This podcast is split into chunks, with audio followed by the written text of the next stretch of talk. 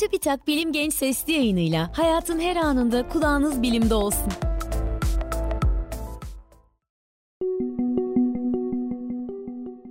Uzaya ve bilime meraklı gençler merhaba. Bilim Genç Sesli yayınının bu bölümünde evrenin en ekstrem cisimleri olan kara delikler hakkında yanıt bekleyen en ilginç soru üzerine konuşacağız. Kara deliğe düşersek ne olur? Gelin bu sorunun yanıtlarına bir bakalım. Evet, yanıtları dedim. Nitekim bu sorunun her biri olası birçok doğru yanıtı var. Soruya yanıt vermeden önce kara deliklerin genel özelliklerini anlattığımız Kara Delik Gerçekten Bir Delik mi? isimli sesli yayını dinlemenizi öneririm. Bu öneriyi yaptıktan sonra asıl konumuza geri dönelim. Kara deliğe düşersek ne olur sorusunun kısa yanıtı şudur. Kara deliğin içinde yer alan tekilliğe doğru ilerlerken önünde sonunda sizi bekleyen şey pek de iç açıcı değil. Diğer yandan tekillik dediğimiz bölge aslında fiziksel bir bölgeden ziyade matematiksel bir durum ifade ediyor. Yani hacmin sıfır, yoğunluğun ise sonsuz olduğu bir noktadan bahsediyoruz aslında. Kara deliğe düşme deneyimini büyük ve küçük kütleli kara delikler olarak iki senaryoda ele alacağız.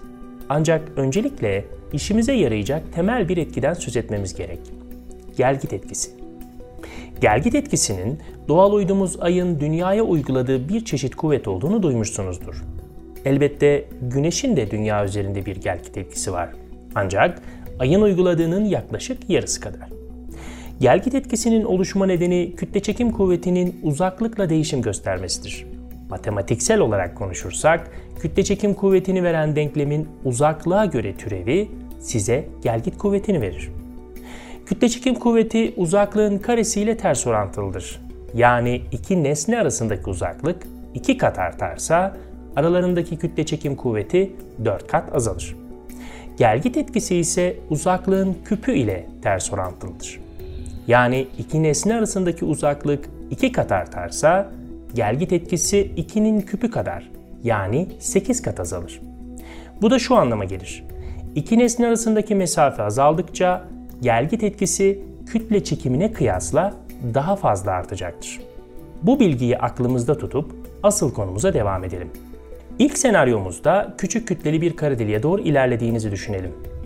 Kara deliğe yaklaştıkça oluşacak gelgit etkisi nedeniyle dikeyde uzatılır, yatayda ise sıkıştırılırsınız. Bu nedenle bu olaya teknik terimle spagettileşme, spaghettification denir. Kara deliğe ayaküstü düştüğünüzü hayal edelim. Kara deliğe daha yakın olan ayaklarınız, daha uzakta olan başınıza kıyasla daha fazla gelgit kuvvetine maruz kalır. Gelgit kuvvetinin kütle çekim kuvvetine kıyasla daha yıkıcı etkiler olabileceğini, çünkü uzaklığın küpüyle ters orantılı olduğunu hatırlayın. Kara deliğe gittikçe yaklaşırken vücudunuz gelgit kuvvetinin etkisini şiddetli bir şekilde hissetmeye başlar. İnanılmaz güçlü bir kuvvet sizi ayaklarınızdan çekip spagetti gibi uzatmak ister.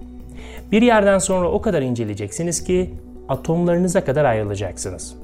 Evet, bu hiç de iç açıcı olmayan bir deneyim. Peki söz konusu kara delik büyük kütleli ya da bir başka ifadeyle süper kütleli kara delik ise acaba nasıl bir deneyim yaşardınız? Büyük kütleli bir kara deliğe spagetti haline gelmeden önce daha fazla yaklaşabilirsiniz. Çünkü kara deliğin kütlesi büyüdükçe olay ufku merkezden daha uzak olacak ve dolayısıyla olay ufkuna yaklaşırken hissedeceğiniz gelgit etkisi daha az olacaktır.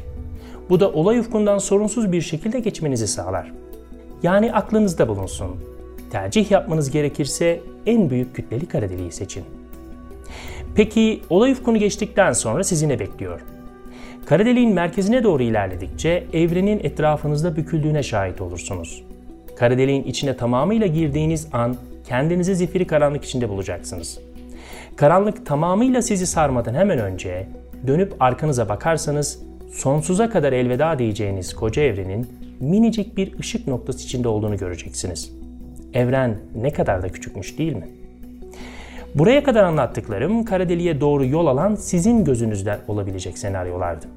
Peki siz kara deliğe girerken dışarıdan size bakan kişi acaba ne görecek?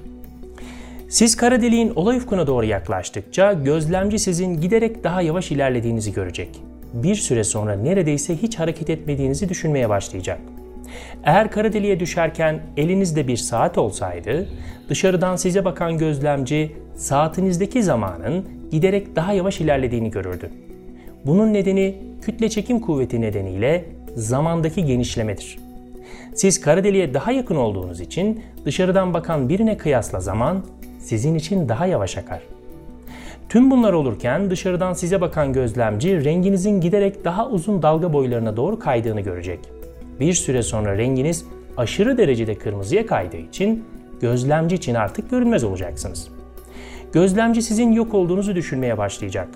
Elbette gözlemci başka dalga boylarına özgü cihazlarla bakıp uzun bir süre daha sizi görebilse de bir süre sonra sizin hareketsiz olduğunuzu düşünecek ve hiçbir zaman olay ufkundan içeriye girdiğinizi göremeyecek.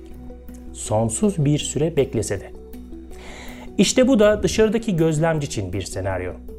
Ancak sizin gözünüzden baktığımızda aslında garip bir şey yok. Kara delik yeterince büyük ise sorunsuz bir şekilde olay ufkundan geçip gidiyorsunuz.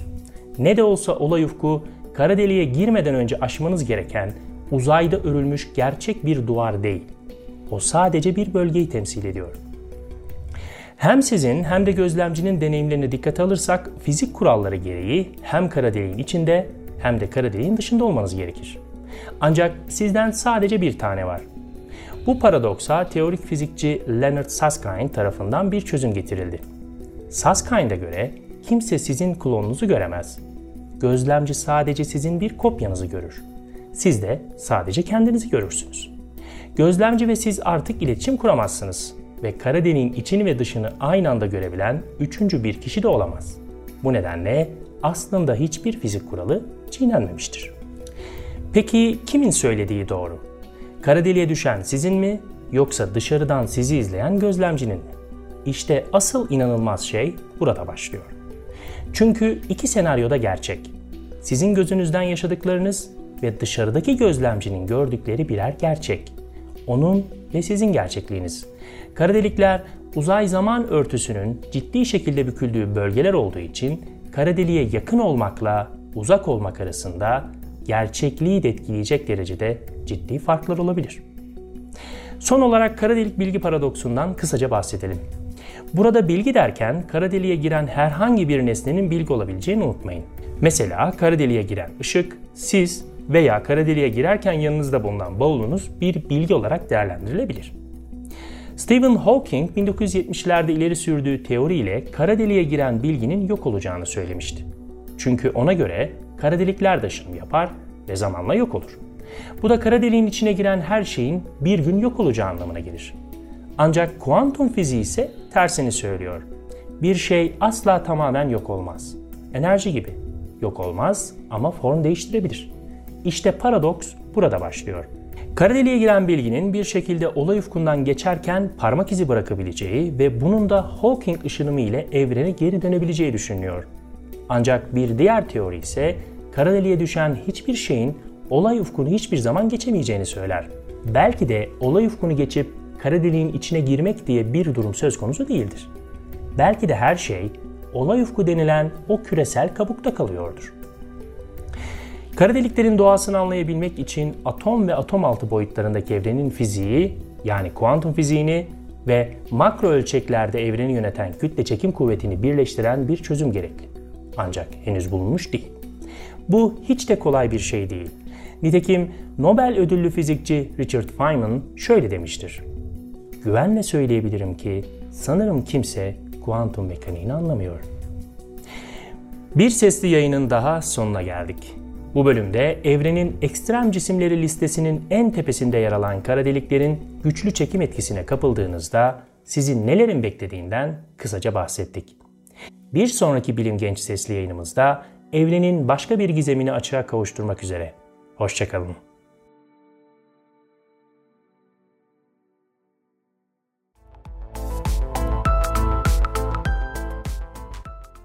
Bilim Genç Sesli yayınlarını SoundCloud, Spotify, Google ve Apple Podcast kanallarımızdan takip edebilirsiniz.